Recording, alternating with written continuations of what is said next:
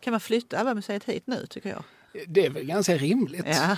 Det är väl ingen som hade opponerat sig. Så jag. Det är väl bara att vi, vi kör upp, du och jag, vi sätter oss i en van Ja, och drar upp. ja. Tut, kör ut på Djurgården, tutar och säger det, det är bara att börja lasta in grabbar. precis. Eller möjligen ADU är namnet på podden om, för, med, i och av, sa jag det, Malmö. Eh, vi som sitter här och orerar och doserar, det är jag, Kalle Lind, och sen är det nationalklenoden Jeanette Vante Rosengren. Just hon. Förläggare, eh, promenerare, promenadledare, cirkelledare, mångvetare, mångförslagen, mångsysslare. Det kan du gå med på. Ja, det går jag med på. Ja, mm, bra. Och Kalle Lind är ju mannen med fyra järnhalvor som jag brukar Ja, säga. Du brukar säga det, men det vill jag inte att du ska säga i den här podden. Nähä. Nej, för då låter det som att, att jag... eh, Då vet jag inte hur jag ska... Jag är som du. Du kan inte ta emot detta. Nej. Det är ju, det är en komplimang, Ja, Kalle. jag vet. Så, så därför kan vi inte bara säga sånt här, hallå du din... Gammal indian. Ja precis, har du, har du bränt huvudet? Alltså den sortens Mm. Ja, ja. jargong är ja. mycket lättare för mig Absolut. att svara på än, än, än med smicker och komplimanger. Därmed inte sagt att jag inte uppskattar det. Ja, det är bra. Jo, vi, eh, det här är sista programmet för säsongen har vi sagt. Ja, Vi kommer tillbaka i en eller annan form i höst. Då ska vi bland annat eh, go live. ja. Det vet du? ja jag är redan nervös. Ja, när vi ska, dessutom ska vi till fiendeland. Ah, det är Lund. ja, det, det, vi, ja, men vi upprätthåller den här gamla Ja, ja, idén om, om polariseringen mellan industristaden och universitetsstaden. Den kanske inte är helt uppdaterad, men när blev du och jag uppdaterade? Nej, jag skulle precis säga det. Det är inte vi heller. Nej, men ja, vi ska det. Vad kul det ska bli. Ja, vi kommer, vi kommer att sitta i, kanske i Piratensalen eller så på Grand Hotel. Mm. Så vi är ju verkligen liksom i Lundaland. Och dessutom ska vi då inför publik diskutera skillnaderna mellan Malmö och Lundahumor. Mm. Nu har du en sommar på dig att ta reda på vad Malmöhumor är. För Lundahumorn är ju lätt att definiera. Mm, det kan jag tänka mig. Den kan du allt om. Ja, ja, det vill jag inte säga, men, men jag menar det går i alla fall att rabbla ett gäng Mm. representanter för någon sorts Lundahumor. Det kan ju du också göra. Du kan ju bara blunda och säga Piraterna, Mm. Sten Broman och Hasse Alfredson känner du säkert till. Mm, Stellan Sundahl och Mm. Jansson och Wester och Var- att Varanteatern. Så, så kommer det liksom. Men Ja, vad men har vi det- för Malmöhumorister? Ja, men precis. Det är det där jag ska fördjupa mig i. Mm, det får bli din uppgift. Jag har redan gjort min läxa. Den sitter liksom i ryggmärgen. Mm. Och så ska det vara liksom skillnaderna mellan det här då, Malmö och Lundahumorn. Och hur det, men det kan jag ju lätt prata om kan jag tänka mig. Ja, ja men det, det återstår att se. Det här är ju ett uppdrag vi har fått från Lunds humorfestival och det är alltså under deras flagg som det här Mm. samtalet kommer att göras i september. Det här borde jag ha skrivit upp såklart. Men september, är den, är den för inexakt Ja, det, tidsangivelse? låter, det låter som att jag känner igen den månaden. Ja, Så där, mm. Alltså när, du- när jag säger september, då vet ja men det har jag hört förut. Ja. September, det låter bekant. Det är det mellan augusti och oktober. Just det, nu är jag med. Precis, Ja. jungfrur fyller år. Eh, lite formalia inledningsvis. Vi har ju fått lite eh, respons. Det får vi ju då antingen på vår Patreon-sida i samband med att man eh, donerar en liten slant. Så kan man också liksom, skriva någonting, eh, ställa frågor och så. Då är vi ju alltid mycket snarare att svara än om man bara skickar till vår mejladress. Ja. adupodd gmail.com. Kommer man in på patreon.com och letar upp adupodd i ett ord med två d så kan man ju då betydligt lättare komma i kontakt med oss. Och det är betydligt större chans att uh, mejlet tas upp i, Precis. i eh, den här podden. Säger jag nu innan jag nu ska läsa ett ganska långt mejl från en man som inte är patron. Va? Ja, nu blev det så ändå. Ja. Lars Gran, känner du honom? Nej. Han är schackskribent på Ah, Sydsvenskan. okej.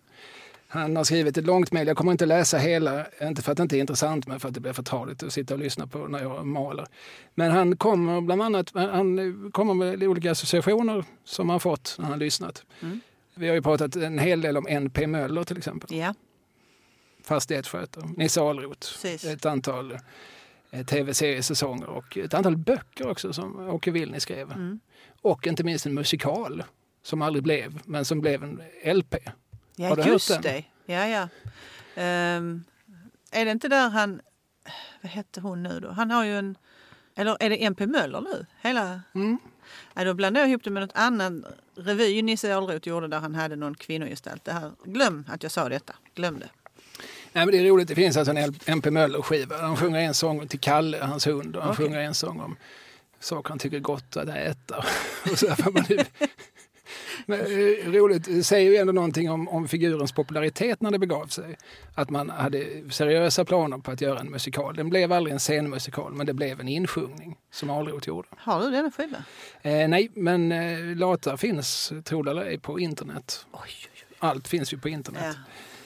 Om NP Möller skriver Lars Grahn till oss. I verkliga livet hade fastighetsskötaren NP Möllers yrke Kalle, en husse, vid namn Gustav Laneryd. Mm. Känner du till honom? Absolut, han ägde Töringelund.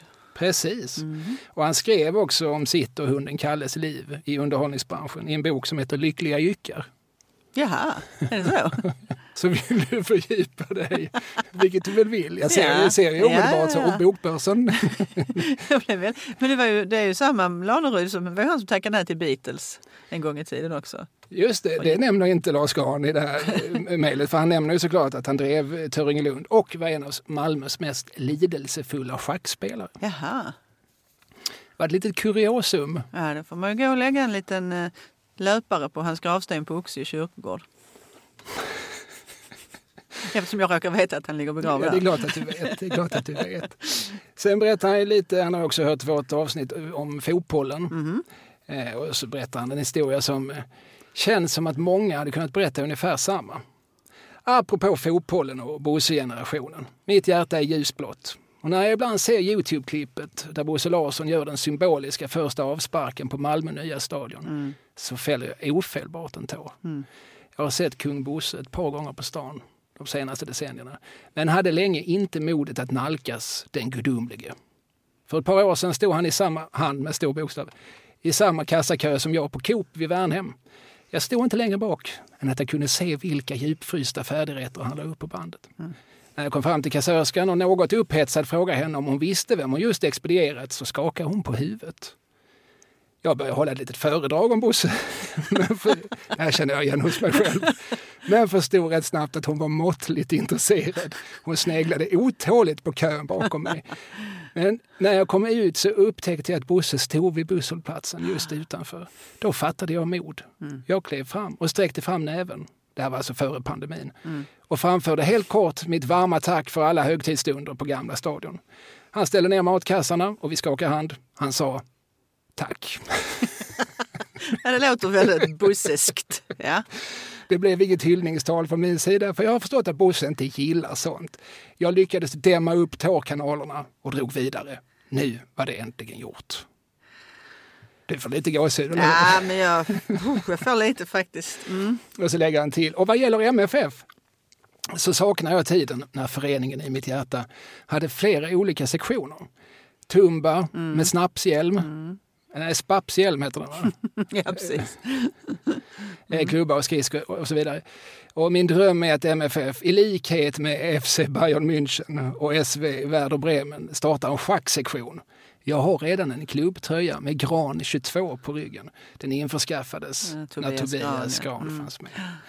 Precis. Spapshjälm. eh, Jag är ju inte så eh, sportkunnig som bekant, men jag såg ju såklart de här båda Tumba-dokumentärerna som finns på Mm. SVT Play. Just det. Och där är det ju en ganska lång sekvens om Spaps, Mm. om en period när Tumba, eh, som ju var en entreprenör vid sidan av sitt otroligt framgångsrika idrottande. Mm. Han spelar ju ändå på landslagsnivå i fyra sporter. Mm.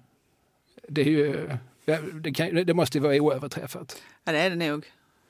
På den tiden också. Alltså, jag menar, mm. Ja, det var kanske lättare på den tiden. Idag är det, Ja. väl, idag är det väl mer specialiserat än vad det var då. Säkert. Men, Men- eh, säsongerna gick väl in i vartannat tänkte jag. För först spelade man ju, ja. Men fotboll, hockey, golf och vattenskidor spelar han på, alltså på elitnivå. Eh, ja, absolut. Och så var han ju då, hade han något kontrakt. Det här Spaps var ju hans, det var ju hans hjälm som han mycket noga och med SVTs goda minne såg till att alltid var i bild. Inte bara när det var match utan när han var med i andra sorters tv-program så kom han liksom iförd sin hjälm med, med stort tydligt varumärke som ingen svensk missade vid tiden. Det tyckte public service var, var helt okej okay på den tiden. Sen fick man också förstå att han blev nog ganska blåst av eh, sin eh, partner in crime, mm. eller sin, sin eh, kompanjon på detta SPAPS. Det var bara en association utifrån det. Jag ska läsa vidare för Lars Grans mejl är långt. Och det här kanske för oss in på dagens ämne nämligen. Mm. Vi har ju pratat om Jorma Kaukonen. Mm. Just det. Som alltså spelade eh, gitarr tror jag i eh, Jefferson Airplane. Mm. Som var ett av de stora San Francisco hippie flower power-banden tillsammans med Grateful Dead och vad de kan heta, Love in Spoonful. Ja, också därifrån. Det var han som var här hos Sture Johannesson, eller hur? Precis. Lars Gahan skriver, i ett poddavsnitt nämns att Jorma Kaukonen fått tipset om Galleri Cannabis när Jefferson Airplane gav en konsert i Köpenhamn 1968. Till galleriet hade han sällskap av min mors kusin Margareta, Jormas hustru, efter ett whiskydoftande bröllop i Kalifornien 1964. Wow. Jorma Kaukonen var alltså gift med en malmöitiska. Margareta var i likhet med mig uppväxt i Malmö och kände mycket väl till galleriet med marijuanaplantorna i skyltfönstret. Jorma sa om den skyltningen, det skulle vara absolut förbjudet i Amerika.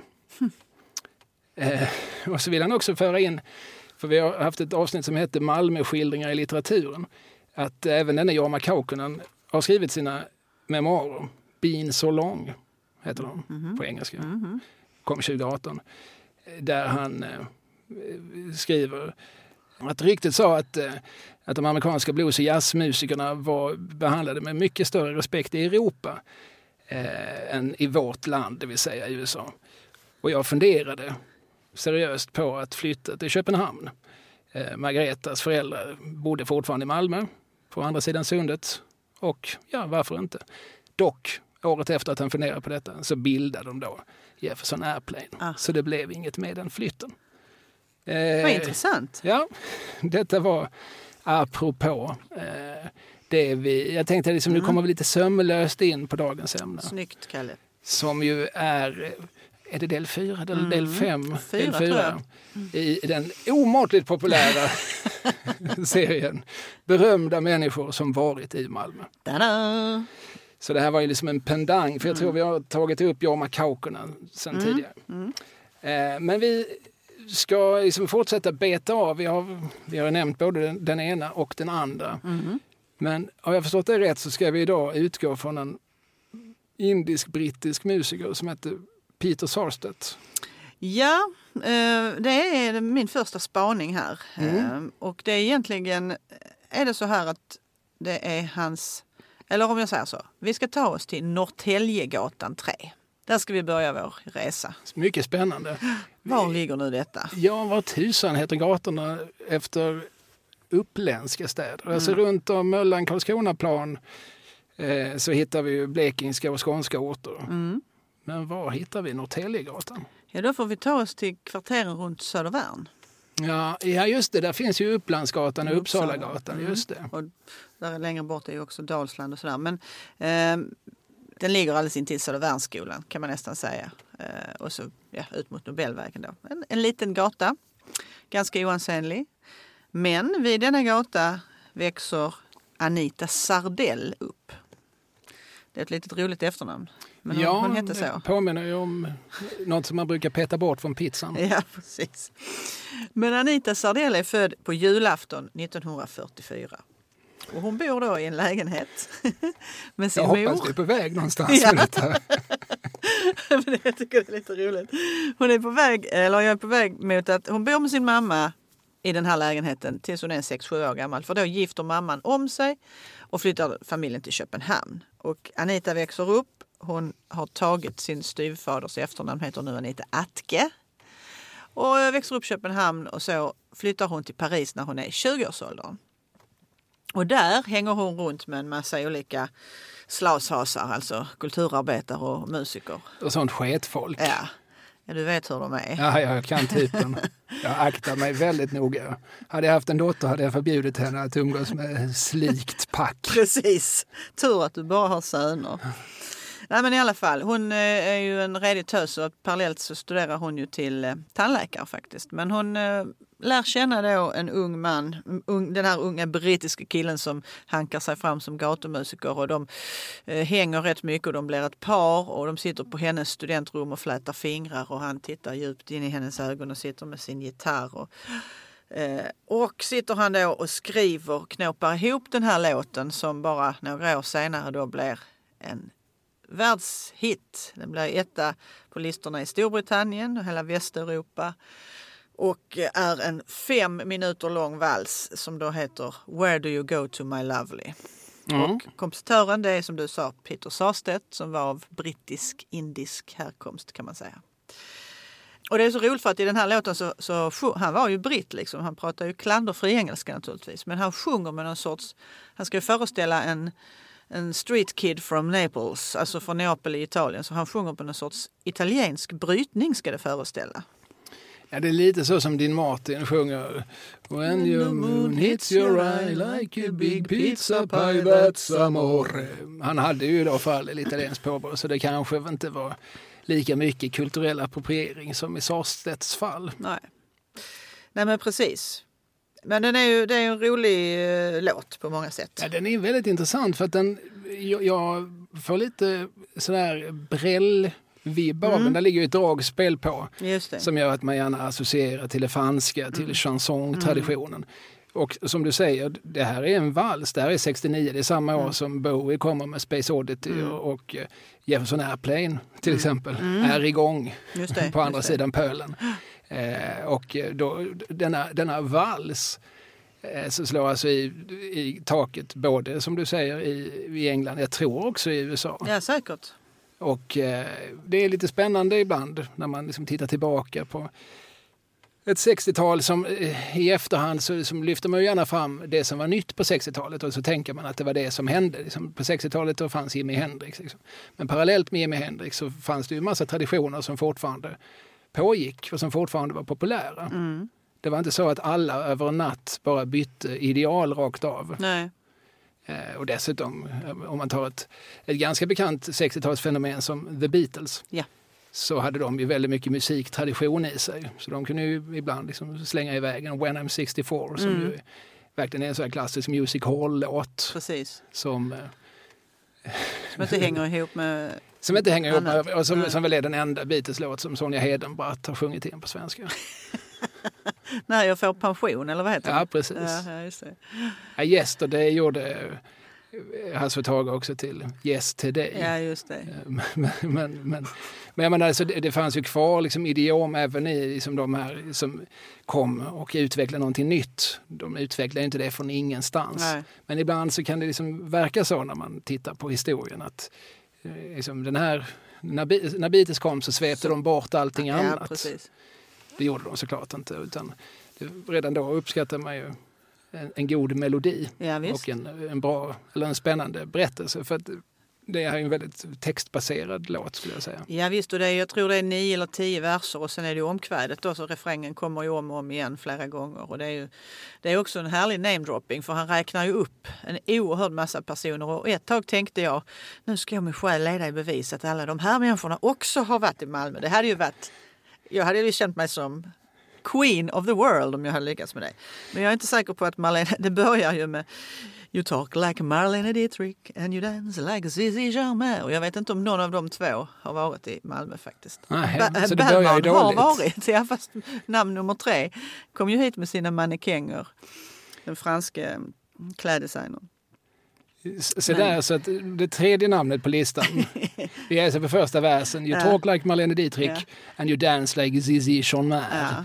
Your clothes are all made by Balmain, heter det så? And there's diamonds and pearls in your hair. Mm. När var Balmain här? Berätta allt om Balmain för oh, mig. Det, där, det kan jag faktiskt inte. Du är väl inte. den av oss som är mest orienterad i mode. ja, det är liksom min... Du har väl sprungit på en annan catwalk ja, det har jag. i dina dagar? uh, nej, men jag, skulle, jag kan faktiskt inte uh, utveckla det mer än att jag har sett det på film. Därför att det finns ju den här Ehm, förtjusande filmen som Joakim Berglund har satt ihop någon gång, När synden kom till Malmö. Och där finns bland annat en filmsnutt när den här franske Balmain, jag har nu glömt hans förnamn, men är här i Malmö med sina mannekänger. Så mer än det har jag liksom inte... Men då, vi Kunskap pratar vi 60-tal eller, Ja, eller precis. 50-tal? Sex, nej, men det, För synden kom väl på 60-talet? ja, ja, innan det så var vi fromma som lamm. Den svenska synden brukar vi kunna datera till 1951 för då Mm. kommer ju filmen Hon dansade en sommar Ja. Mm. av Arne Mattsson som, eh, som ju faktiskt, eh, alltså det, och så två år senare kommer Bergman med Sommar med Monica. Mm. The good old copycat Ingmar Bergman kommer eh, och eh, som tar samma koncept men gör det ännu lite naknare och ännu lite syndigare. Mm. Men Arne Mattsson var först och det det är ju den filmen som för idén om den svenska synden ut i världen. Mm. Och det, jag vet inte om det fortfarande finns kvar men på 70-talet så hette det ju såklart fortfarande porrfilm på tyska, Schwedenfilm. på ett helt självklart sätt. Liksom. Ja. Det betydde det. Som, Ja. Åh, är den svensk? Åh, spännande. Ja, det är lite avklätt här ja. Mm. Och det var ju många som exploaterade den myten. I själva verket var ju danskarna mycket värre än vi. Ja, ja, de hade alla de där uh, sängkanten-historierna, var det inte de? Sängkanten eh, med, och eh, teckenfilmerna med, Ja, i tjurens tecken och sånt där. med, med den före detta tandläkaren Olle Söltoft. Som, Ja. Apropå tandläkare. Just det. Eh, Det kanske kommer att vara tema idag. Det är den Ja. andra tandläkare vi, Ja, vi namndroppar. Ja. Nu kan vi slänga in Alice Timander och Piratens fru Tora. Så har vi fyra. Och vad heter Dr. Alban kanske? Ja, slänger vi in honom också. Så har vi bara nämnt. Nåväl, eh, det var inte det vi skulle prata om. Det var Balmain. Han, Ja. han var här och visade sina modeller. Ja, men precis. Och sen så fortsätter ju det här, den här berättelsen handlar ju egentligen om Alltså det är ju en, den här manliga sångaren som är ett av de här två gatubarnen från det fattiga Neapel som minns hur det var en gång i tiden. Men hon, hon har ju då gått vidare och rör sig i jetset-kretsar och umgås med alla möjliga kända figurer. And you sip your Napoleon brandy but you never get your lips wet och så vidare. Och det är rätt så roligt va, tycker jag då, för att i verkligheten gifter ju sig Peter Sarstedt med Anita Atke. Hon är då färdig tandläkare. Och i visan så sjunger, i refrängen så sjunger han ju sådär Where do you go to my lovely when you're alone in your bed? Tell me the thoughts that surround you. I want to look inside your head. Yes I do. Ja. Nu var det kanske hon istället som fick titta in i hans head eftersom det var hon som var tandläkare. Men det är en helt annan historia. Ja, Men de får i alla fall de får två barn tillsammans. Gifter sig då, skiljer sig 74 och barnen heter Anna och Daniel. Och enligt min forskning finns de båda två på Facebook. Mm, barnen alltså. se där. Men de är uppvuxna i England. Ja, det är de ju. Eh, Peter Sarstedt finns ju inte med oss längre och Anita flyttade sen tillbaks till Köpenhamn. Jag har inte riktigt lyckats spåra var hon befinner sig just nu. Nej, Men, men det är eh, kanske ja. någon lyssnare som vet. Ja, vem vet, vem vet. Ehm, men hon kom i alla fall från Malmö. Det tycker jag är roligt för att han har ju sen i flera intervjuer berättat om att det var ju hon som var hans musa. Det var ju henne han skrev om. Det var ju henne liksom låten, även om den inte handlar explicit om just henne, så var det henne han såg framför sig när han skrev låten. Och då har vi alltså en, en världshit som en tjej från Norrtäljegatan har stått modell för. Det är ju rätt roligt. Det är det faktiskt. Mm. Men när du satte dig med alla namn som droppas Mm. eh, för att se vilka av dem som, Mm. som eventuellt varit i Malmö, var det, var det någon mer än Balmain? Ja, för att han nämner ju också... Ja, precis. Hon- Han sjunger ju om eh, Where you keep your Rolling Stones records. Mm. Eh, och Rolling Stones eh, var ju här på Farsens väg 65. Va? Det, Ja, det. det. har ju både vi och Magnus eh, tagit upp förut. Och inte minst Ola Ström har ju berättat det så fort någon har ställt frågan eller ens Eller inte. antytt frågan. Sett ut att ställa frågan. Ja men precis. Nej men eh, de var ju här sen. Jag vet inte om Picasso någonsin har varit i Malmö. Jag tror inte det. Han var ju inte ens varit i Kristinehamn. Aha, och, där och då har han ju ändå sina statyer. Där står ju hans, eh, en av hans hustrur, Jacqueline, står i staty i Kristinehamn. Mm. Men han var ju aldrig här personligen och såg dem. Så att jag betvivlar att eh, Picasso kom så här långt norrut. Nej. Sacha Distel. Däremot kan vi ju nämna att Picassos äventyr, Ja. filmen från 1978, den är ju inspelad främst i och kring Tomelilla. Mm. Men den är faktiskt, det finns också en sekvens i kalkbrottet, Mhm. Limhamns kalkbrott, där Hatte Furuhagen är eh, konstlärare. Kommer du ihåg den här sekvensen? Det står ett gäng eh, olika unga män framför varsitt staffli. Ja visst, absolut. Och sen så är det en kvinna som flashar Mm. sig i en sekund. Och så ska, ska de då snabbt rita av henne. Eh, Den sekvensen är ju filmad i, vid kalkbrottet. Men det är ju nästan som att Picasso har varit i Malmö då. Gösta Ja. Ekman har i alla fall varit här. Ja. Han har ju till och med vuxit upp Ja, precis. Ja, det var ju... Det var ju Näsgårds från kalkbrottet för övrigt växte han ju upp. Ja, det gjorde han ju. Mm. Just det. Eh, Så att ja, därmed finns en, om, om man bara stretchar saker så kan Så man ju alltid få till. Bevisa vad som helst. Ja, nej, men sen... ehm, Och sen så Napoleon Brandy nämnde vi, Mm. men Napoleon kom heller aldrig hit upp. Nej, Han skickade sin adjutant, eller vad, vad hade Jean-Baptiste Bernadotte, vad hade han för titel när han var under Napoleon? han hade någon militärgrad som jag inte minns i detta nu. Ja. Men jag tror han kom via Helsingborg ja, Mm, säkert. till, eh, till huvudstaden. Så det, vi, vi vet inte, vi tror, vi, mm, han var nog inte här. Nej, tyvärr. Och Aga Khan, som vi pratade om. Aga Khan nämns ju Ja. senare, precis. eh, Aga Khan är ju som ett mysterium. Som vi förstår det är det en titel. Ja, jag tror att det är det också. Någonting som, ungefär som Dalai Lama. Så. Ja, precis. För att eh, Aga Khan för mig är ju främst en... eh, Han är omnämnd i en av Karl Gerhards många obskyra kupletter. Mm. Som absolut inte har någonting med Malmö att göra, för den handlar ju väldigt specifikt om, om Stockholm. Och heter Vad de säger på stan. Heter den väl. De säger på stan.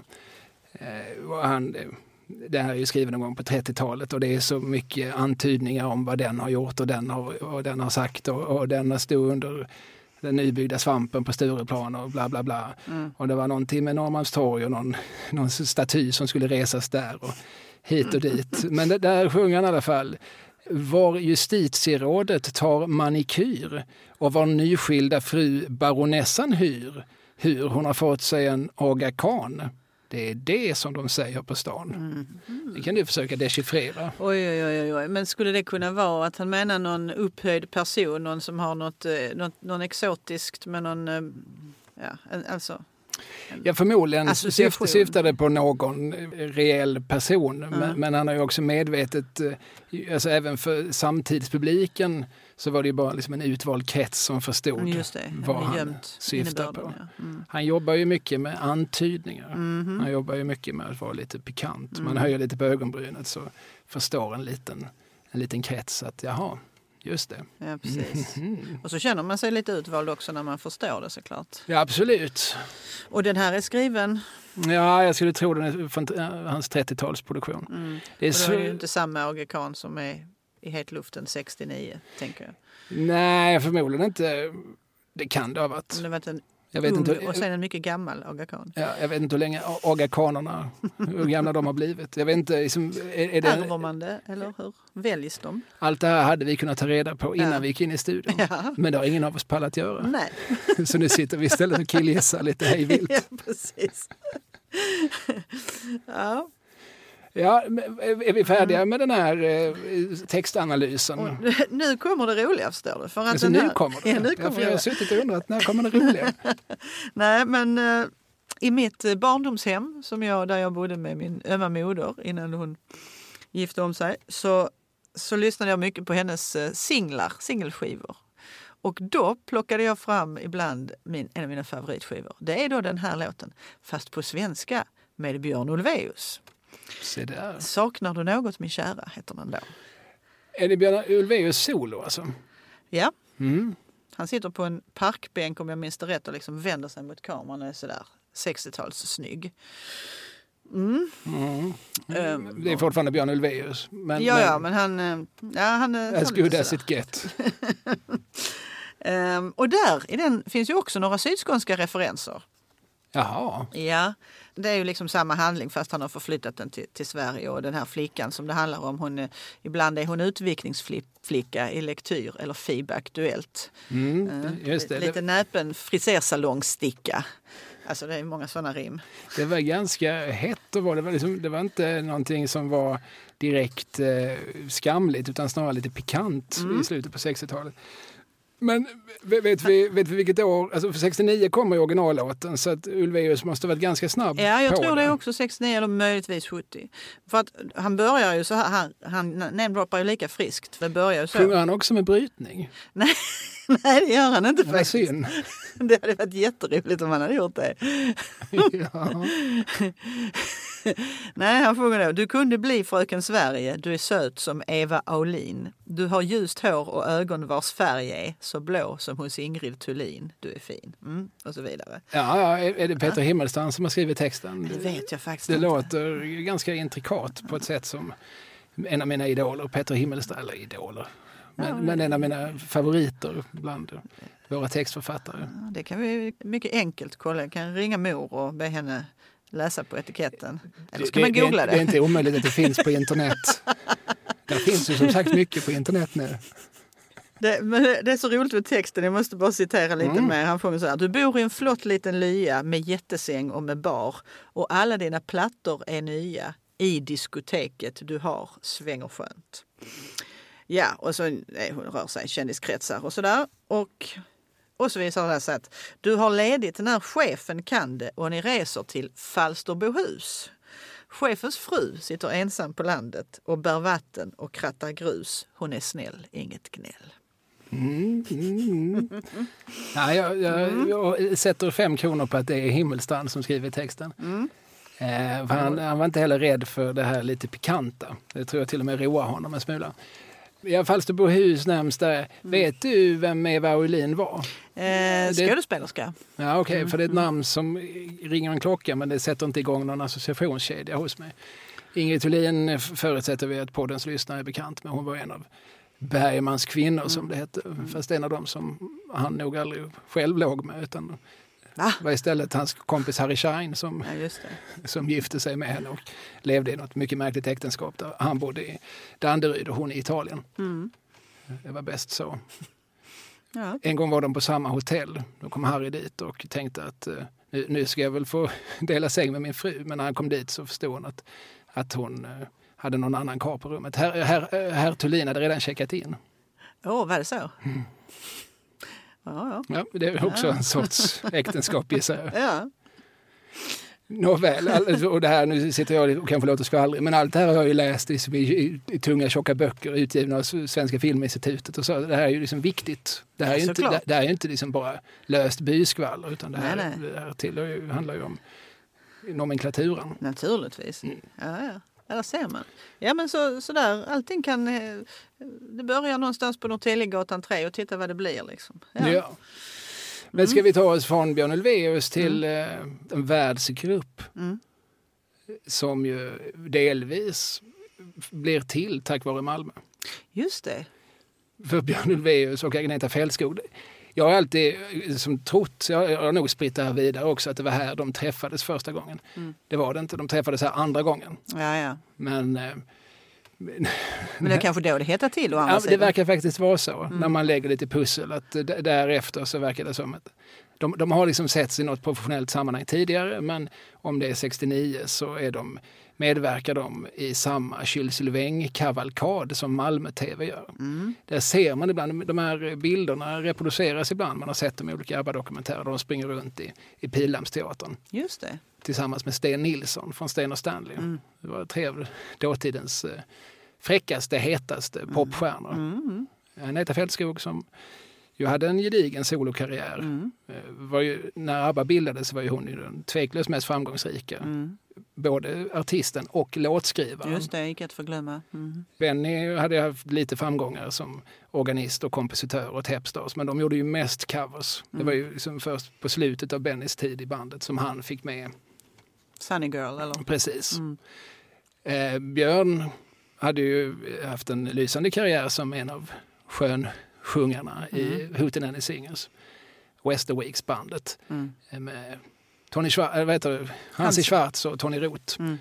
Och eh, Annie Frid var väl den minst etablerade. Hon hade ju liksom varit hos Hyland och var bekant men hon var ingen storsäljare. Hon var lite för sval och sofistikerad för Mm. folksmaken. Mm. Hon var ju lite grann i Lite jazzig, va? Ja, och lite, lite jazz, lite chanson. Mm. Alltså hade det här lite kultiverade, Mm. sofistikerade draget över sig. Som en eh, ännu mer sofistikerad variant av Lill Lindfors. Ja, ja. Mm, mm. Eh, Men hur som helst, då, Björn och Agneta de eh, medverkar bägge i detta och efter att de medverkat där så verkar det... Det är svårt. Inte ens ABBA-biografen Carl Magnus Palm kan ju helt liksom, slå fast att sen var de ett par för att det dröjer kanske ytterligare en tid innan de blir offentliga med sin kärlek. Men man kan väl gissa att det var i Malmö liksom som bara miljön här gjorde att de bara förstod. Tänk dig. Pildammsparken Va? på sommaren Ja. och Sten Nilsson som åsyna vittne. Vem hade inte liksom blivit förälskad i första bästa? Nej, nej, jag säger inte emot dig. Och jag menar, det var ju verkligen, det var ju Björn och, och Agneta. Och det här, alltså att de var ett par och att sen Benny och Annie-Frid var ett par, det var ju såklart liksom förutsättningen för det som blev ABBA. Och har, jag har för mig att Benny och Frida också på något sätt träffades väldigt tidigt här. På, ehm, Ja, det- Jag, alltså jag förutsätter att du har rätt. Jag- Jag kommer inte syna det. är det inte på Kockska krogen? Ja, varför inte? Alltså det är där på Stortorget någonstans. Men om det är Kramer eller Kockska krogen. Ja. Med, eh, de är ju där med, med eh, Charlie Norman om jag inte minns fel. Ja, men det låter rimligt för Annie-Frid och Charlie Norman jobbar ju mycket ihop. Mm. Eh, gjorde krogshower och så. Det är ju därför eh, Bosse Parnevik ringer Annie-Frid Ja. med Charlie Normans röst. Just det. Och väldigt liksom, ja det är Charlie. Och så börjar, ja det här är ju en klassisk busringning där han ber henne, du kan väl ta med dig ABBA, jag har en liten, liten tillställning. Och sen så fortsätter han liksom, är det okej om ni äter i köket eller så där, eller vill ni ha Just det. och så här, och hon blir mer och mer, "Nej, men jaha, är det så- den? För då är hon ju liksom världsstjärna Ja. och, så, och det är en gammal kompis som ringer. Och, så- ja, den är rolig Ja. faktiskt. Eh, Men, men då, jag tror det var så att, att hon, Frida och, och Len, eh, Charlie hade gjort något eh, samarbete där och så sitter de och äter och sen kommer Benny fram till deras bord. Han hade väl sett det här, eller jag kommer inte ihåg. Men eh, det är så han och Frida liksom inleder sin bekantskap. Vi säger att det var så. Ja, ja. Vi säger att liksom Malmö är förutsättningen för ABBA. Nåväl, det var, ämnet är ju för samtalet är Mm. ju berömda människor som varit i Malmö. Och ju Agneta, Björn, Benny och Annie-Frid har varit i Malmö. Mm. Just det. Det vet vi, det finns det bildbevis på. det finns det. Har du mer på din lista? Absolut. Ja, jag tänkte väl det. Mm. Det här är många, många smäller, några till i alla fall. Och nu ska vi flytta fram till 1980. Mhm, mhm, Det är den första maj. Vi är i Folkets park. mhm. Vem tror du första maj talar? Olof Palme. Mycket bra, det gjorde han. Han var ju ofta i Malmö Folkets park och höll olika typer av tal. Men han första maj talade tre gånger. 66, 69 och 1980. Allt enligt hans eget arkiv. Det vill säga att han gjorde det aldrig i egenskap av statsminister. Nej, du... Han blev Ja. partiledare 69 och 76 förlorade ju. Mm. Och jag menar, och det, alltså, han vinner ju valet i september 69. Mm. Så då kan han ju ta första maj-talet som, Precis. som statsminister. Eller? Just det. Och, Killen med eh, fyra järnhalvor. Ja, nej, och eh, 76 till 82 har vi ju borgerlig regering. Och det märks ju för det här talet. Man kan ju ladda ner alla de här talen när man går in på Olof Palme. Ja, vad heter det nu då? Institutet, Ja. eh, sällskapet, Ja, inst- fanclub, Olof Palme fanclub. Nej, men det är nog institutet. Men i alla fall där kan man som pdf då ladda ner alla de här olika första majtalen och se vad det är han pratar om. Och det är ju intressant i sig beroende på då att han inte är statsminister. Men i alla fall. Han är radikalare än någonsin Ja. i opposition. Och han håller samma dag här 1980, då håller han också första majtal i Helsingborg. För det var ju ofta så de dubblerade. De höll i två städer som låg nära varandra. Men efter det här första majtalet i Malmö så blir det supé i Moriska paviljongen med den närmsta kretsen. Ett litet illustert sällskap som då eh, sitter och pokulerar bakom stängda dörrar. I en mening använder du två av mina favoritord, illuster och pokulera. Är det sant? Ja. Snyggt jobbat. Ja, se där. Bara för att umgås mycket med dig nu så. Men plötsligt när de sitter där och eh, äter och dricker så bankar det på dörren.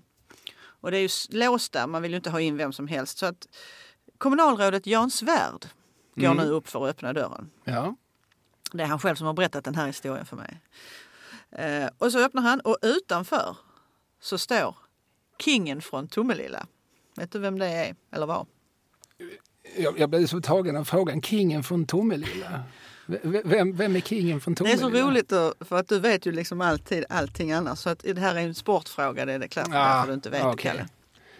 Vilken, Jo. vilken sport pratar vi? Fotboll. Jaha, Det är Börje Lantz. Börje, okej. Mm. det här, jag tror du hade haft behållning av att läsa boken Kingen från Tomelilla som är en biografi över sagde Börje Lantz. Det här är en man som började som sportjournalist, han slutade som promotor. Ofta har man kallat honom för Sveriges första fotbollsagent. Om man såg honom på bild så hade han alltid mörka solglasögon. Han hade en riktigt sån här svart stor playboy-mustasch och så hade han en världens största cigarr. Detta Han såg på ut som han ska bilder. se ut. Ja.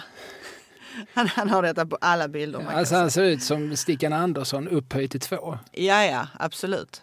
Men det är, det är samma sorts liksom lastbilsförare, Ja. hästskomustasch Ja, ja, lite så. Och så, den här, och så var han ju lite rundmagad också så att han ja, så jovialisk ut. Ja, Bägg bilhandlar Ja. framtoning. jovialisk men lite, lite slipad typ.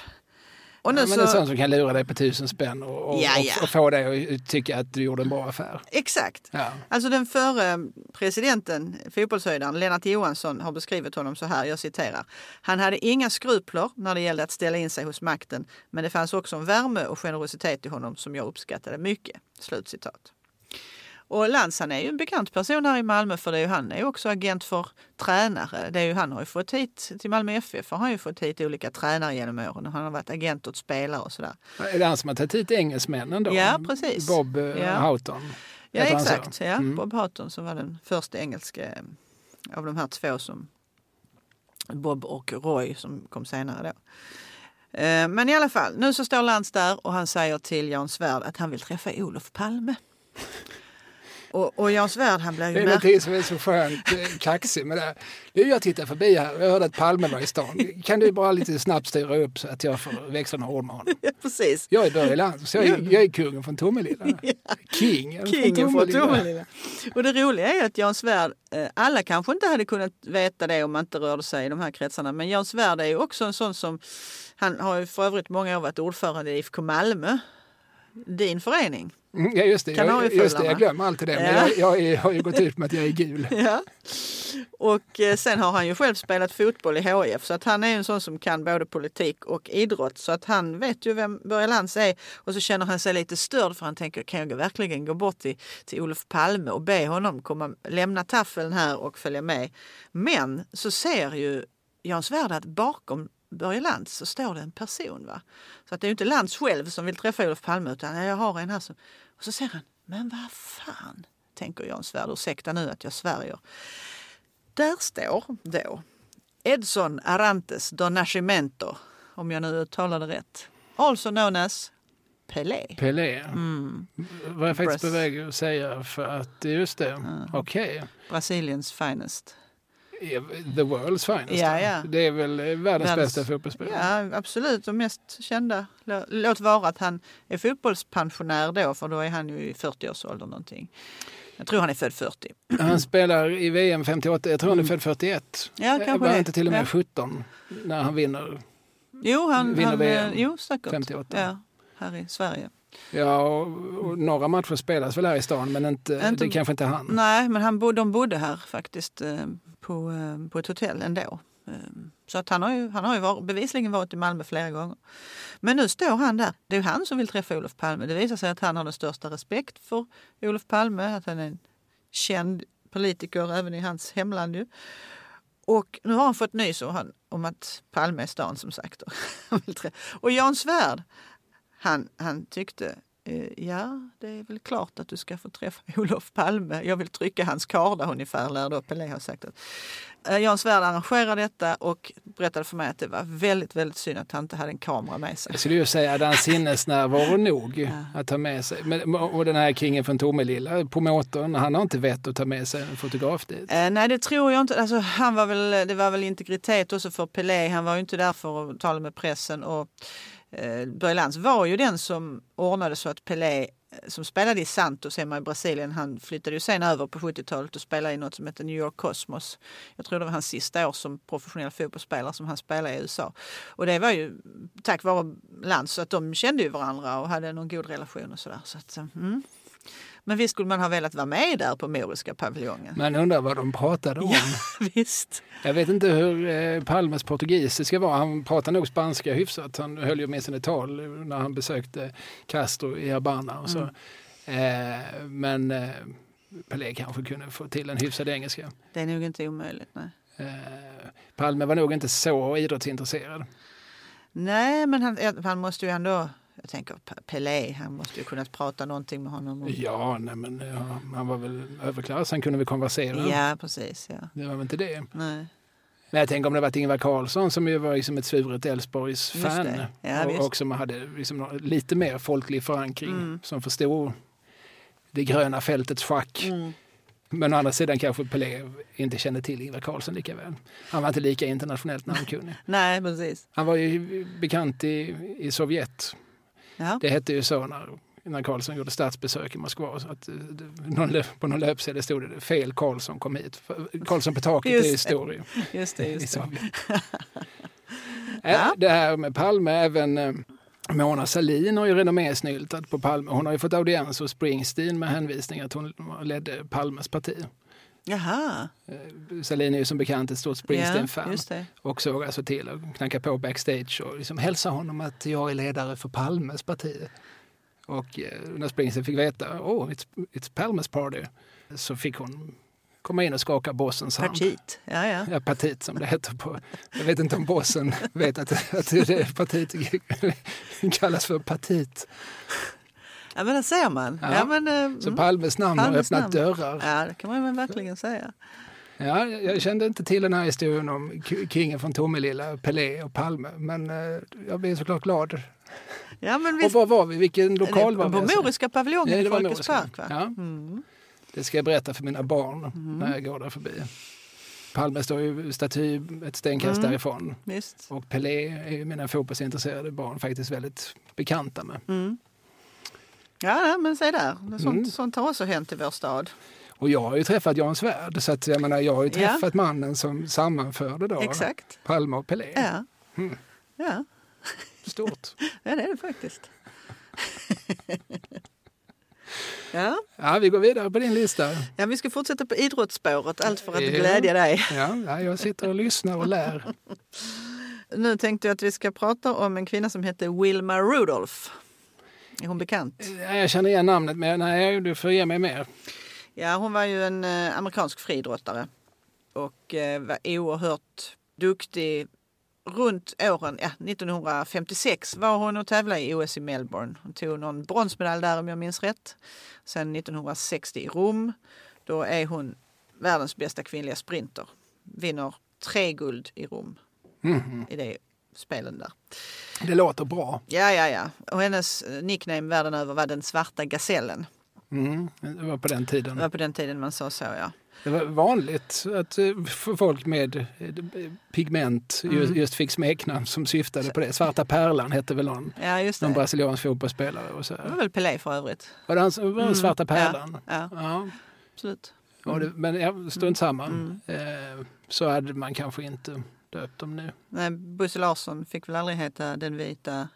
Eh, Hingsten. nej, Eller, nej, det fick jag Nej. inte. Nej, sen så som Stallone var väl Italian Stallion. Ja, och sådär. Alltså det, förvisso. alltså så det, det, måste, det är inte bara folk med någon sorts afrikanskt påbrå. nej. Men, eh, men just det här liksom etniska, Mm, det är ju ett sätt att säga att det är någon som bryter en norm. ja, Och, ja, och det i sin tur syfte, är ju tecken på att man har liksom ett etnocentriskt perspektiv. För att är man till exempel i Afrika så bryter man ju inte normen. nej. Eh, Som i de st- stora delar av den afrikanska kontinenten så är ju det här normen. Exakt. Ja, det här är ju, kan man ju diskutera i andra poddar där Ja. folk är bättre på den här. Jag, jag säger mest det självklara nu. Ja, men, men det är väl ändå viktigt att få fram. Men hon hade ju många svårigheter från början den här Wilma Rudolph. Hon var ett av 22 syskon, observera. Fattig familj. Hon var född med polio. Och så hon övervann liksom i sitt liv inte bara ekonomiska utan även fysiska svårigheter får man ju också säga. Som, och så blev hon den stjärnan hon blev. Ja. Polio, alltså barnförlamning, Ja, som det hette förr i tiden, eh, som väl kan sätta sig, alltså göra om man fick polio som barn så kunde det väl leda till men även framledes. Ja, det tror jag bestämt. Så att hon lyckas alltså trots detta bli Ja. världens bästa sprint, Ja. världens snabbaste Mm. kvinna i alla fall. Mm, mm. Biologiska kvinna, vad vad nu Mm. ska, Mm. hur, hur man säger nu för tiden. Ja, spännande. Ja, men det var det. Och, och Wilma Rudolph. Wilma Rudolph. Jag ska Och- aldrig glömma hennes namn. Nej. Hon, eh, hon var född 40 och 1962 när hon var 22 år gammal då kommer hon hit till Malmö. Hon ska springa lopp här på Malmö stadion. Och Malmö stadion var ju ganska nybyggt då. Det hade ju invigts eh, till VM 58 i fotboll just så att det är fyra år gammalt. Hon kommer dit och tävlar, springer 100 meter. Tiden var 11,4 sekunder. Det satt Det låter snabbt. 3451 personer som var där och tittade på henne och de andra. Det låter lite. Ja, det var det. Jag vet inte riktigt varför ehm, det var så få, men Nåväl. jag kan inte förklara det. Nej, det är inte ditt fel. Men Det är ingenting du ska jag var behöva inte stå ens till en svars för. eh, glimt i min faders öga vid det tillfället. Så att, eh, men eh, det är en sak. Det som är spaningen här det är att hon passar också på att shoppa. Så att hon går till Stortorget till en affär som heter Fogstedts. Mhm. Mm, som var en konfektionsfirma. Den hade funnits i Malmö sedan 1857. Och den, här, den bytte skepnad flera gånger. Men vid den här tiden så ligger ju varuhuset då på Stortorget. I de lokalerna där sedermera Mäster Hans Café har, har legat. Då vet du var jag är någonstans. Vi är bredvid etage. Ja, samma byggnad där. Mm. Diskoteket. KFC ligger bredvid Ja. nu för tiden. Ja, just det. Kentucky Fried Chicken. Exakt. Det var många kvinnor som köpte sina kappor och, och kläder och klänningar här i hundra års tid. Då. Och vid det här tillfället så är det så att en av de som arbetar på Fogstedts och som säljer kappor, som säljer kläder, det var en kvinna som hette Signe. Och när nu den här världsstjärnan Wilma Rudolph kommer in i butiken så alla de som jobbar där blir ju helt tokiga för att de vet ju vem det är. De säger herregud, där står Wilma Rudolph inne. Och Signe, hon för- vet, ju- hon hon är så fruktansvärt ointresserad av idrott. Men hon känner ju ändå att ja, men om det här är en världsstjärna, jag måste ju ta autografen. Som alla hennes kollegor gör. Som ja, går ju fram artigt och frågar naturligtvis. Och Wilma Rudolph ställer upp glatt och skriver autografer till alla. Och Signe tar hem den här till sin autografsamlande son som heter Staffan. Och eh, när hon kommer hem på kvällen och visar Staffan den här och ger honom autografen så gör han ju stora ögon och säger men herregud mor, har du expedierat Wilma Rudolph? Eh, och mig veterligt har han kvar den här autografen fortfarande för Staffan blev så småningom känd fotbollsspelare i Malmö FF. Han heter Tapper i efternamn. Ja, jag känner till honom. Ehm, och det som är så roligt också i sammanhanget är att hans mor då, som var så otroligt ointresserad av fotboll, levde ju ihop med en landslagsspelare. En storspelare, Börje Tapper, alltså Staffans pappa. Och hon fick en son som också spelade i Malmö FF och i landslaget. Ja. Men hon gick aldrig på någon match. Hon frågade kanske någon gång vad blev det och lyssnade lite förstrött men hon kunde inte uppbåda något som helst intresse för detta. Ja. Jag, jag har en viss förståelse för henne. Jag tycker fortfarande att, ja, men även jag har ju stått i snålblåsten på i, i olika gudsförgätna platser. Jag har stått i, i södra Sandby, jag har Mm. stått i Landskrona och, och tittat på, på mina barn. Så Mm. att, eh, eh, även jag har gjort en del ansträngningen. Det gör jag för övrigt. En som alltid är och tittar på, som har stått jämte mig, är Håkan Engström Mm. känd pop och rockskribent på Ja. Sydsvenskan som ju är betydligt mindre intresserad av fotboll än jag, Mm. men som har en son som spelar. Så att vi står där, för det gör man. Ja, ja. Det spelar ingen roll att vi inte förstår vad som händer framför oss, men, men, men vi ser att våra söner blir, blir, blir blöta. Och, och, Glada kanske? eller? Ja, kanske rent av glada efteråt om, om det har gått bra. Eh, nej, men det, det blir så tydligt ibland det här. Just det, nu är jag ju far. Nu får jag ju slänga de där principerna över bord. Just det. Nu får jag, jag har ju till och med varit och tittat på en riktig fotbollsmatch på Malmö Ja. stadion för, Ja. för min andra sons skull. Ja, just det. Ja. Ja, men du gör eftergifter, det hör jag. Ja, och så har det till min stora förvåning visat sig att man lär sig saker när man vidgar, vidgar sina vyer. Eh, har vi fler namn på din lista? Ja, vi, vi har fler. Har du, Ja. har du någon du vill eh, lyfta fram? Nej, utan det här... eh, Jag trodde vi skulle l- prata... Ja, det spelar ingen roll, men, men eh, det är bra. Fortsätt. Nu ska vi eh, prata om eh, en man som eh, var född 1910 och dog 1996. Och nu säger du genast, aha.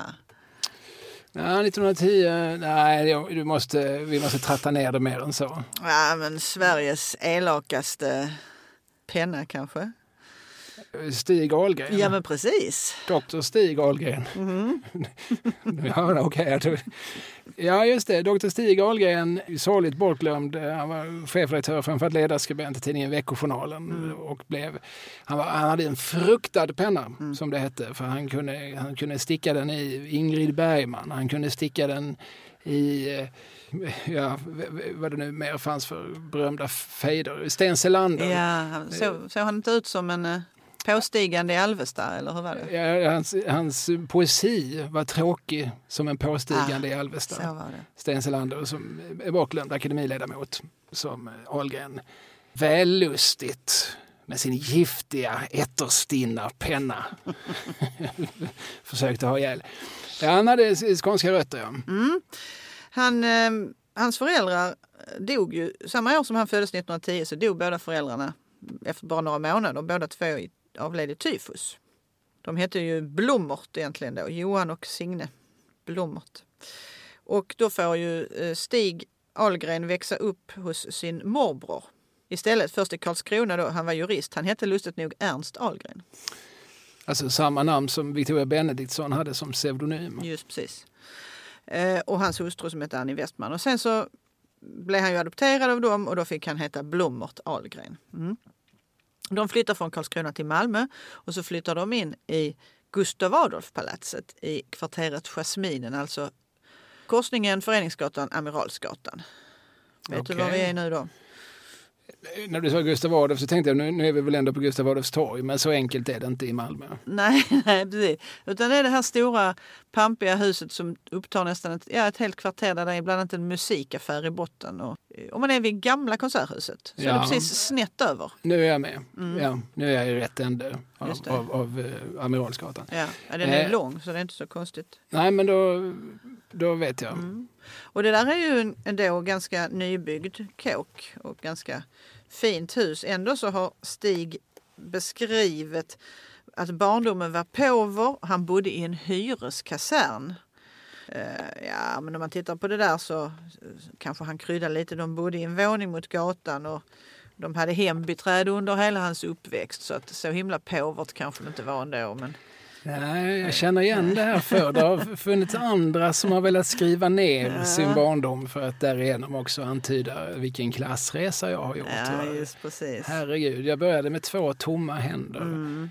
Eh, ja, Ja, nej, men han, han och så, tittar man på det där huset då, ja, de som hade våning mot gatan, de hade inga utedass på gården för de hade minsann åtminstone de här mulltoorna och så högst upp. Så att, ja, nej, men han bodde där i alla fall och han gick i skolan i Högre allmänna läroverket för gossar, alltså det som idag är Malmö latin. mm. Det ligger ju max två minuters gång från hans hem. Ja, jag skulle säga två minuters kryp. Ja, ja, precis. Och är man riktigt snabb så kanske man tillryggalägger den sträckan på 30 sekunder. Eller någonting. Och där, när han studerar där, då har han ibland en, en vikarie, en extra lärare minsann som heter Hjalmar Gullberg. Se där. Mm. Som eh, hade extra lektioner där. De här var ju adoptivsöner båda två faktiskt om man ska göra någon jämförelse. Men, men eh, Vet vi om de såg varann så att säga? Liksom, eller om, om Gullberg såg att i, i den här adepten eh, finns det något, här finns ett ämne. Från Gullbergs håll vet jag inte, men jag vet att Stig har, har kommenterat, han har skrivit om det här i sina opublicerade memoarer. Ja, men var han imponerad av Gullberg? Eller eh, tyckte han det var en tadig jävel? Nej, jag tror han gillade honom faktiskt. Mm. Det verkar så. Och, men han, från skolan i övrigt så skriver han mycket om penialism och att eh, de starkare barnen de vred om armarna på de svagare. De tvingade dem att upprepa orden citat min mor är en hora, slut citat. Och så har han berättat att han lekte med, med författaren Wilhelm Ekelunds brorson som hade citat överpudrade syfilissår redan i 13-årsåldern. Citat. Det var ett liderligt levande. Ja, det får man ju säga vid den unga åldern. Vilken libertin. Hur kan man ha fått syfilis? Men det kanske man får om ens mor har syfilis när man föds. Inte vet jag. Nej, inte vet jag heller. Och eh, det faktiskt. behöver inte vara så att Dahlgren får med sanning. Nej, det ska vi också vara helt på det klara med. Men han skriver ju lite roligt om att när han går sin sista termin på latinskolan så fantiserar han om att nu citerar jag igen, bära fotsid violett rutig ulster, lila velourhatt och instucken under den halmgula mustaschen en maggördlad Havanna cigarr av märket Henry Clay. Slutcitat. Det var en väldigt specifik dröm. ja, ja, det gick okay. i purpur får man ju säga då. Va? Ja. det var mycket lila. Eh, och sen så flyttar föräldrarna då till en ytterligare tjusig adress, nämligen Färsens väg 12. Paradgatan. Vi får också tänka oss att det här är ju verkligen en, en aveny i Malmö på den här tiden också.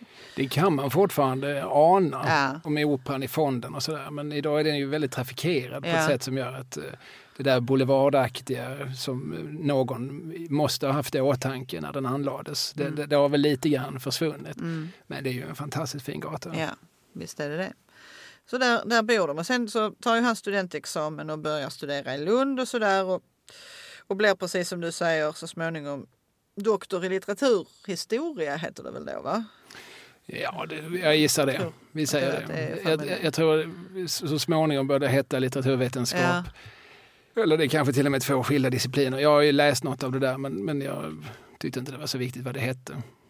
Men han börjar ju ganska snabbt jobba extra på, på, i den socialistiska pressen, alltså först tidningen Arbetet. Och då, eh, frågan är, ja Aftontidningen i Stockholm också, men jag tror att han har flyttat från Malmö då.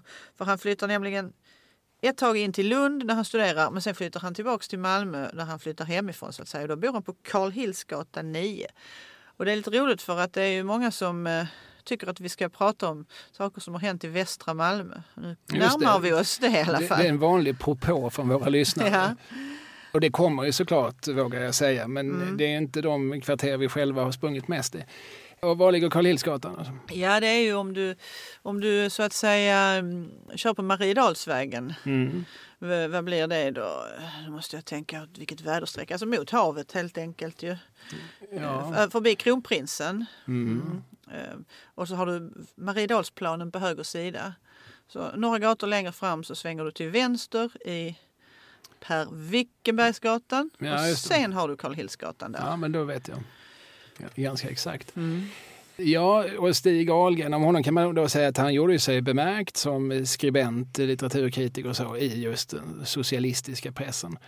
Men gjorde ju då så småningom en eh, sån här om, en hel omvändning mm. och gick över alltså till den bildade borgerlighetens husorgan Numero Uno, Veckojournalen mm. som ju var Bonnierägd och eh, hade ju ingen uttalad politisk färg men den betraktades ju allmänt som borgerlig.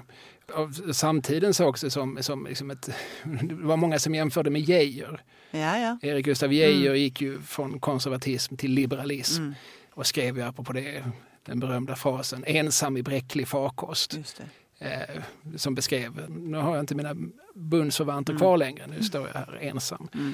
Och, och, en liknande rörelse gjorde Ahlgren och blev nu istället bästa kompis med Buster von Platen mm. som, som var liksom en ärkekonservativ eh, skribent som sedermera blev chefredaktör för Svenska Dagbladet och Veckans Affärer. Och, så. Mm.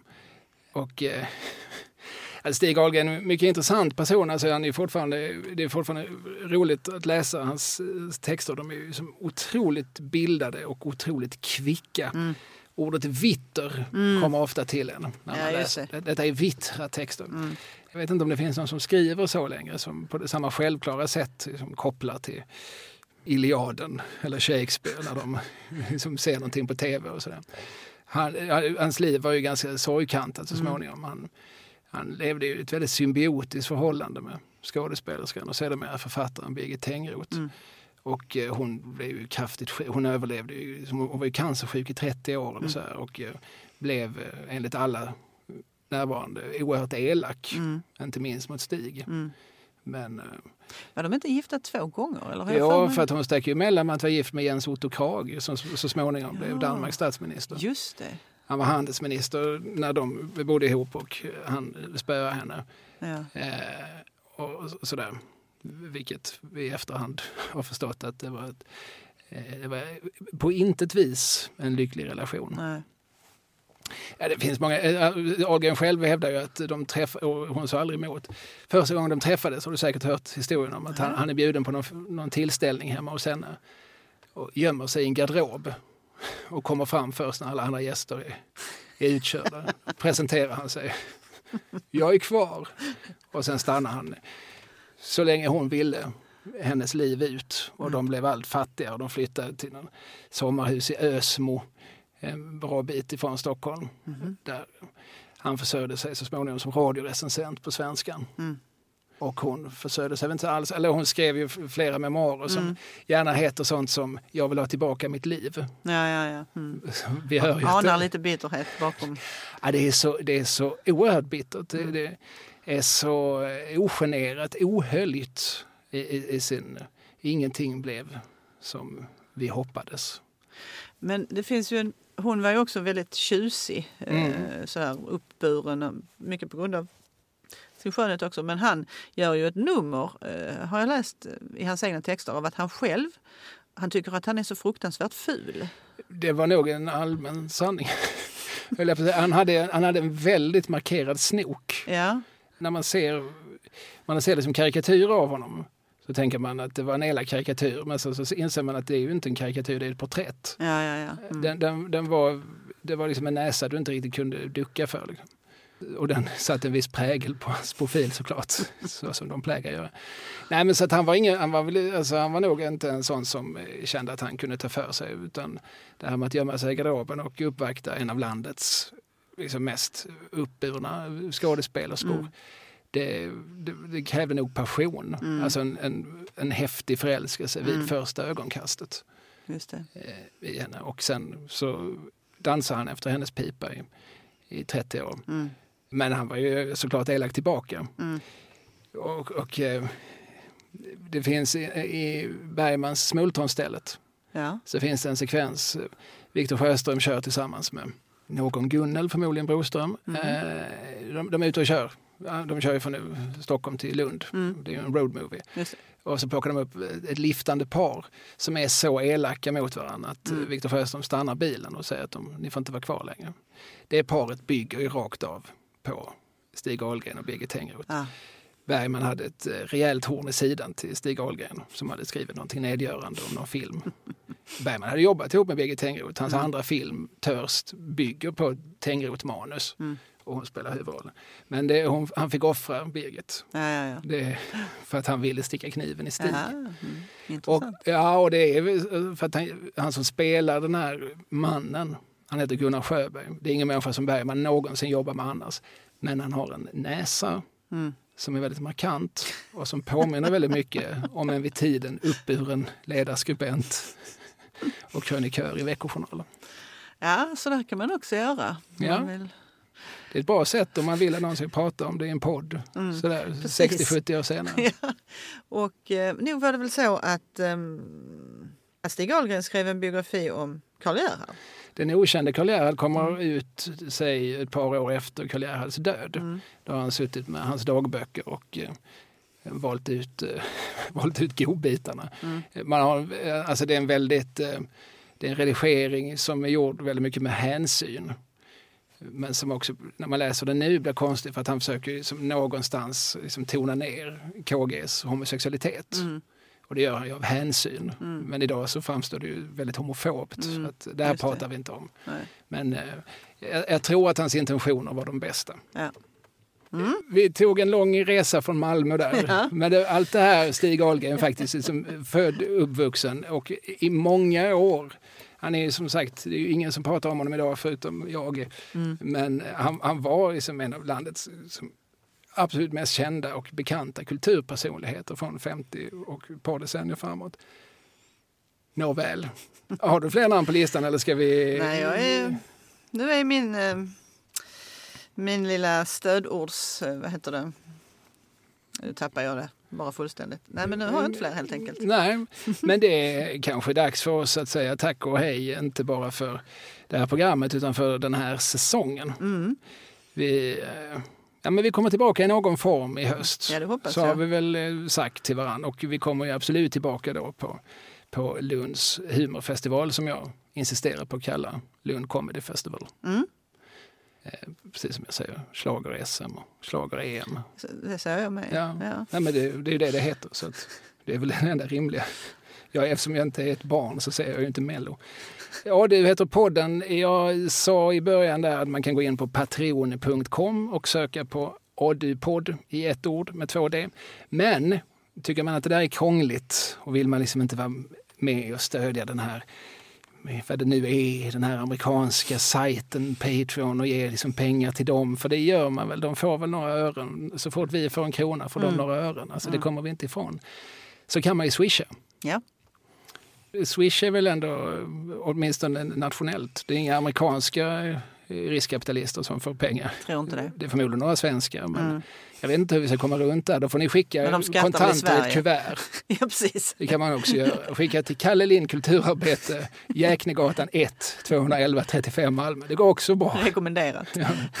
Men annars så kan man då swisha på 123 052 10 88 123 052 1088. Ja, och i höst ska vi ta tag i det här med Västra Malmö. Ja, det har tycker vi jag. pratat om länge. Och sen Ja. har vi pratat om Malmöfestivalen. Ja, Just när jag sa det, visst heter det Malmöfestivalen, det heter Ja. inte Malmökarnevalen. Det har du, du- utan det är det är ju, någonting annat nu som var det min också. gamla lundensiska som kom tillbaka. Men det fanns ju också en karneval i några år så det kan vi också prata om. Ja, det Som- kan vi göra i samma, Ja. samma program kanske. ja, det det finns fler ämnen som ligger på hög, ämnen som folk har önskat sig och ämnen som, som vi har pratat om. Mm. Så det, det finns mer att säga om den här stan, dess historia och dess invånare. Mm. Så vi säger väl att eh, vi hörs på nytt. Ja men det tycker jag. Ja, så har vi. Mm. Hej. Hej. Allt beror